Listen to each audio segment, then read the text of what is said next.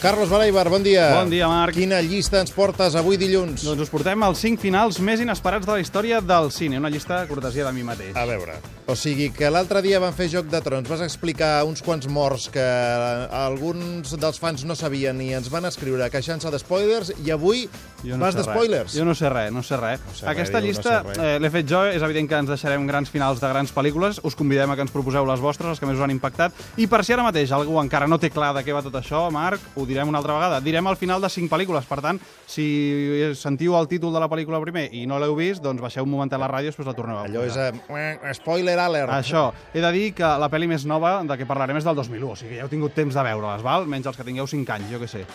Si et sembla, comencem. Número 5. Comencem amb dues pel·lis, el preu d'una perquè al final és el mateix. Los Otros, d'Alejandro Amenábar, amb Nicole Kidman, i El Sexto Sentido, amb Bruce Willis i el nen aquell que no ha fet mai més res.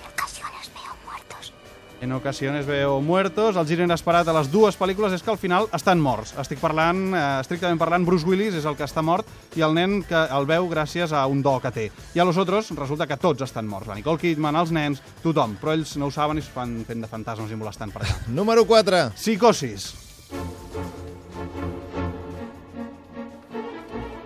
Un clàssic dirigit per Alfred Hitchcock, basada en un llibre d'un tal Robert Bloch. Hitchcock va comprar els drets d'aquesta novel·la per 9.000 dòlars. Imagineu-vos els calés que ha fet Hitchcock i que ha pogut generar aquesta pel·lícula, i entre altres eh, remakes, etc etc. O sigui que li va, a Robert Bloch li va sortir bastant cara la història. Això és l'escena de la dutxa típica. Total, que al final de Psicosis resulta que la mare de Norman Bates és Norman Bates disfressat i que és un assassí pirat. Sí, o sigui, va de morts avui, d'espoilers. Vinga, número 3. El Club de la Lluita, Fight Club, Tyler Durden i Jack. First rule of Fight Club is Brad Pitt i Edward Norton. El tema de la doble personalitat, el tema Bates, dona per molt en aquest cas. Acaba resultant que Tyler Durden, el personatge encarnat per Brad Pitt, no és més que una projecció de Jack, d'Edward Norton. No és real, simplement és una projecció del que Jack voldria ser. Un tio guapo, amb èxit, amb principis, amb idees, sense pors i sense dubtes a l'hora de fer el que ha de fer. De fet, de totes les de la llista, aquesta, aquest gir és el més irrellevant per la història perquè la teca en aquesta pel·li va per una altra banda. Número 2. Sospitosos habituals, la pel·lícula que va llançar a la fama Kevin Spacey. El seu personatge és un coix anomenat Roger Verbalkind.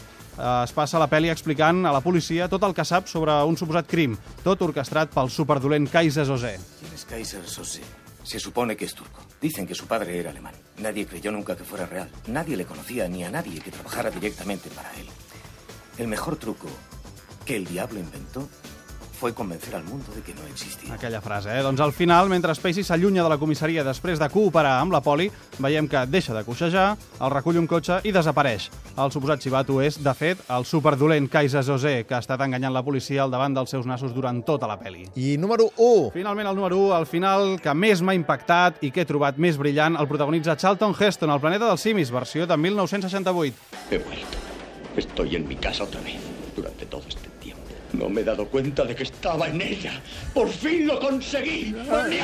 ¡Maniáticos! Molta gràcia dir No m'he maniàticos, com vol dir maníacos, però bueno. És, és un doblatge tipus no me siento les piernas. Exacte, 1968. El planeta dels simis, ara que tornen a estar a la cartellera, els simis muntant a cavall, que estan explicant com van apoderar-se del món, doncs un record per aquesta gran pel·li, per aquest final en què Charlton Heston troba l'estàtua de la llibertat semi-enterrada a la platja i se n'adona que el planeta dels simis no és cap altre que el planeta Terra.